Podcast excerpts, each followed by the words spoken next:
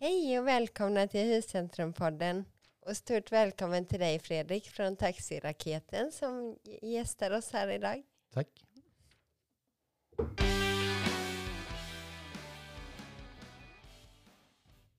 Ja, vad kul att ha det här Fredrik. Eh, vi skulle vilja så gärna vilja höra, höra lite mer om mannen bakom taxiraketen.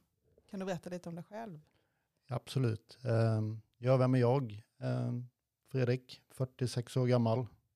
Ehm, Uppväxt i Vessigebro, lite utanför Falkenberg. Och ehm, idag lever jag på Västra Gärdet i en villa.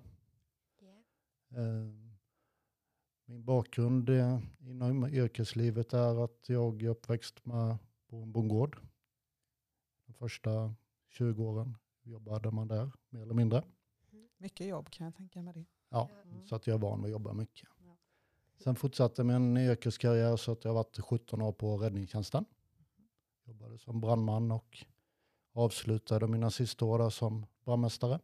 Oj, Mm. Och sen eh, för 2013 var det, ja det är sex, sju år sedan så startade jag då Taxiraketen. Mm. Annars så lever jag ett liv som alla andra. Jag är väldigt mycket intresserad av idrott. Framförallt bollsporter. är det något eh, speciellt lag som du håller på? Ja, jag tror det. Ja, gällande hockey så är det ju Färjestad som gäller. Mm. Så skönt i sådana här Frölunda-områden att hålla på Färjestad.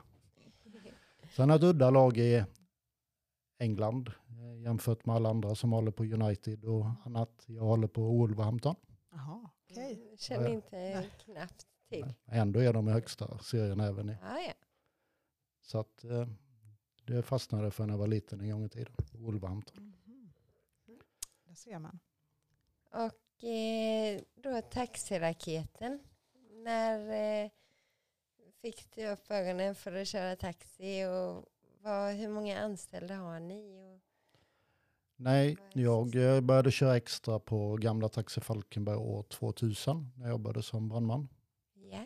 Och intresset var stort där och så i samband med att jag slutade sen på räddningstjänsten så startade jag Taxiraketen 2013. Mm. Idag, och då när jag väl startade Taxiraketen så då var vi, hade jag två, tre gamla taxibussar Ja. som vi körde festfolk med. Vi började i november, december där lagom till julboden. Men vad hette, Men, förlåt, vad hette verksamheten då? Jag hette den den, tiden? taxiraketen redan då. Redan då så döpte jag det till Taxiraketen. Mm. Eh, och i samband med det så startade jag även budraketen. Mm. Och eh, har lite budbilar och lastbilar då. Mm.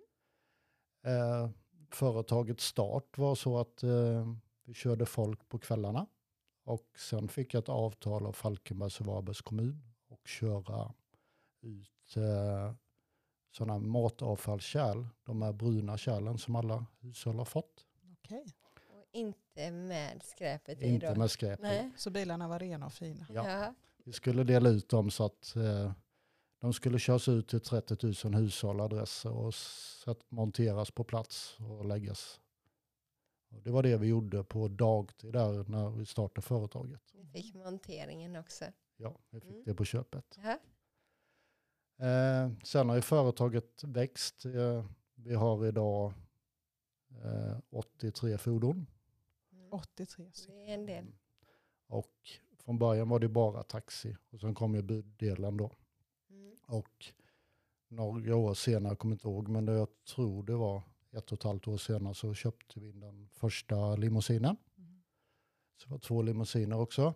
Ja. Och det är ju ingen verksamhet som blomstrar så, men däremot är det väldigt kul för de som kör. Och får- åker. Ja. Ja. Man har ju sett ganska många som har rullat ändå i, i stan här och lite överallt. Mm. Det är allt ifrån eh, baler till barnkalas till bröllop till vi hade en händelse med någon äldre dam som var 90 år som skulle överraska sin släkt. Hon hade bjudit dem på middag på Ocean. Jaha. Och så kom hon själv åkande i limousin med rullator och allting. Ingen visste någonting. Nej. Krypmormor. Ja, riktig krypmål. Ja. Vad- Ja, för är det ett av dem? Eller har ni någon särskild kund eller något eh, som du kan minnas att det var en wow-upplevelse att få köra den? Eller Den här kändes kändis? Mm. Eller? Ja, den här var ju, Mormon den här är ju mormon bra. var ju en krut. Mm. Nej, men alltså man kör ju, det är inga speciella kändisar så. Eh, Nej. inte som jag har lagt på minnet. Och sen, jag kan ju inte alltid säga vilka, det är inte jag som kör. Jag, nej, men det är, det är chaufförerna. Jag är, ofta Ja. bokas det, man vet inte alltid vilka det är. Nej. Men eh, övrigt företaget som sådant, alltså innan vi kommer in på närmare coronan och sånt så är, var det 130 stycken anställda. Allt ifrån timanställda då till fastanställda. Mm. Eh, vi finns ju här på Huscentrum. Hur kom det sig att ni valde just huscentrum att sitta på?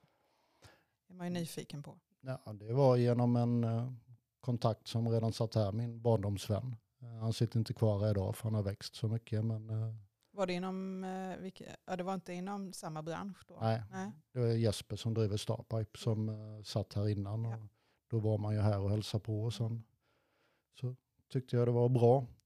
Och sen tänkte jag också att genom att vara här så eftersom jag var så ny med mitt företag så syns man ju bland företagen och det är rätt så viktigt. Och det, jag ångrar inte någonting. Det är jättebra att vara här.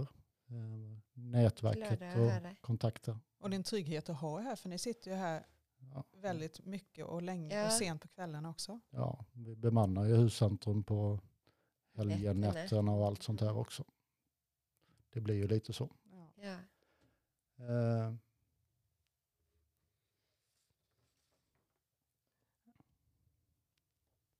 Ja, nu kommer vi in lite på målgruppen. ja. Vad, är- vilka är era kunder? Och är det både företag och privatpersoner? Hur har ni det? nej, men våra kunder idag är ju på budsidan så är det ju uteslutande företag vi kör Ja. åt.